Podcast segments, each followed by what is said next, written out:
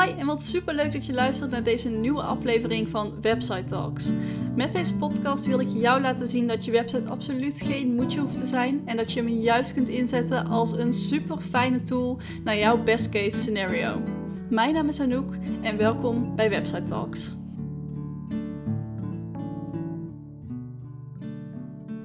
Hallo en wat super leuk dat je er weer bent. In deze aflevering wil ik het met je gaan hebben over het schrijven van teksten. En ik dacht hier eigenlijk weer aan door het opnemen van mijn vorige aflevering. Dat ja, teksten zijn gewoon voor heel veel mensen echt een blokkade. En daar heb ik zelf ook heel veel ervaring mee. Ik heb uh, echt heel veel moeite gehad met het schrijven van mijn teksten. En ja, ik dacht, laat ik hier eens een keer een aflevering over maken. Op dit moment heb ik niet meer zoveel moeite met het schrijven van teksten, omdat ik echt weet wat ik uh, voor mensen wil doen. En ik denk dat het daarbij begint. Als jij niet 100% zeker weet waarom jij doet wat je doet en voor wie jij graag wilt werken, dan wordt het heel erg lastig om dat aan andere mensen wel over te brengen. Dus schrijf eerst voor jezelf op of denk het uit als je niet uh, van schrijven houdt.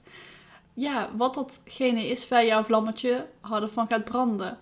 En als je dat weet en weer terug kan komen bij dat gevoel waar je zo blij van wordt. En datgene waarvan je denkt, yes, dit ga ik doen. Dan wordt het echt een stuk makkelijker om je tekst te schrijven. Een tip die ik graag aan mijn klanten geef, is om een moodboard te maken. En dat kun je gewoon via Pinterest doen of je doet het lekker uh, offline met tijdschriften en knippen en plakken. Maar in principe gaat het er gewoon om dat je even uh, op papier krijgt wat jou zo gelukkig maakt. En ik vind het zelf heel erg fijn om dit te doen met woorden en met um, beelden. Dus heel visueel. En daarom zeg ik ook dat je het beste een moodboard kunt maken. Omdat dat voor mij bijvoorbeeld heel goed werkt. Maar het kan natuurlijk zijn dat er voor jou iets anders heel goed werkt. Maar wat ik heb gedaan is, ik ben naar Pinterest gegaan en ik heb gekeken naar beelden die mij aanspraken, die mij gelukkig maken en die het gevoel geven wat ik wil hebben in mijn bedrijf. Ik zal op de blogpost uh, op een website zal ik even mijn moodboard delen. Dan heb je een beeld van wat ik hiermee bedoel. Maar elke keer als ik mijn moodboard zie, dan gaat mijn, mijn vuurtje, mijn, mijn inner flame, gaat harder branden.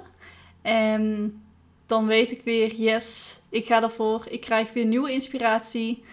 Ik, uh, ja, ik ga gewoon weer aan. En met dat gevoel kun je het beste je teksten schrijven. Een andere tip die ik ook heel fijn vind, is om het niet al te serieus te nemen. Schrijf alsof je gewoon kunst aan het schrijven bent. Alsof, alsof niemand anders dit hoeft te lezen. Uh, misschien vind je het fijn om het een beetje in gedichtvorm te schrijven. Of uh, ja, probeer gewoon vanuit je hart te schrijven en niet te ja, schools of correct. Het moet, de lezer moet kunnen zien dat jij het hebt geschreven. Als ik een tekst op jouw website lees, dan doe ik het in mijn hoofd met jouw stem. En als dat zinnen zijn die niet bij jou passen, die ik jou niet hoor zeggen, dan connect dat niet, dan klopt dat niet. Dus zorg ervoor dat de teksten die jij schrijft zo dicht bij jou liggen dat jij ze uit je mond krijgt. Want als jij ze al niet kunt voorlezen zonder erover te vallen of zonder dat je zelf denkt van ja, ik heb het wel geschreven, maar ik geloof het zelf niet, dan zal iemand anders het ook niet geloven. En nu denk je misschien, maar uh, ik, ja, oké, dan schrijf ik dus teksten gewoon uit mezelf en ik schrijf gewoon op wat ik voel en waar ik mensen mee wil helpen. Maar je moet toch je teksten SEO-proof schrijven. En SEO is uh, dat je teksten goed zijn voor Google. Um, ja, dat klopt. Dat is heel slim om dat te doen. Maar ik raad je aan om eerst gewoon te gaan schrijven. En daarna te kijken hoe je ze SEO-proof kunt maken. Want als je al gaat schrijven met het idee, dit moet SEO-proof zijn, dan komt dat er nooit uit. Ja, of, of jij bent net die ene persoon bij wie dat heel goed werkt. Maar in principe, wat ik zelf ervaar, is dat je dan echt een totale blackout krijgt. En dat elke zin wil je 300 keer herschrijven, omdat je het idee hebt dat hij nog beter SEO-wise kan zijn, zeg maar. Dus nee, dat is denk ik niet de beste manier. Ik zou dus gewoon het gaan schrijven en daarna gaan kijken van oké, dit is mijn SEO-score nu. Ik zal nog een aparte aflevering maken over het hele SEO-gedeelte.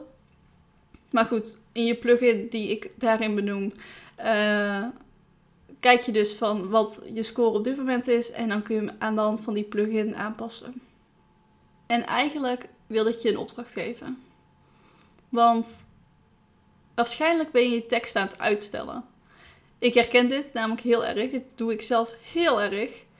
En mocht je dat nu ook doen, zet dan nu even een deadline in je agenda of maak een dag vrij om teksten te gaan schrijven en ga het gewoon doen. Ga dat moodboard maken en voel weer precies wat jij wil uitdragen met je bedrijf. De sfeer die mensen moeten krijgen bij jouw bedrijf. En ga vanuit daar je teksten schrijven. Vanuit die sfeer, vanuit die veiligheid die jij voelt. Want als je dat doet, dan worden de teksten ook op die manier. En zijn komen ze echt vanuit het hart en vanuit jou en niet vanuit wat je op internet al hebt gelezen. Ehm, dus ja, dat wil ik je echt adviseren. Ga er gewoon lekker mee aan de slag. Je teksten hoeven niet al uh, één keer geschreven te zijn en dan nooit meer aan te passen. Misschien dat je nu een tekst schrijft die je over een half jaar wel weer wil aanpassen. Of misschien morgen al, omdat je dan door die tekst te lezen weer aanvullingen ziet. Maar ga er alsjeblieft mee aan de slag. Want door het uit te stellen gebeurt er nog steeds niets. Oké, dan wil ik je nu dus heel veel succes wensen met je teksten. Mocht je hierover willen kletsen, dan mag je me altijd een bericht sturen op Instagram naar anouk.martens of stuur een mailtje naar info.anoukmartens.nl. Ik eh, ben super benieuwd naar waar jij tegenaan loopt en of je iets aan mijn tips hebt. En mocht je een ander onderwerp hebben voor de podcast, laat het dan ook zeker even weten. Alle input is welkom. En dan wens ik je voor nu een hele fijne dag. En ik spreek je heel snel weer. Doei doei!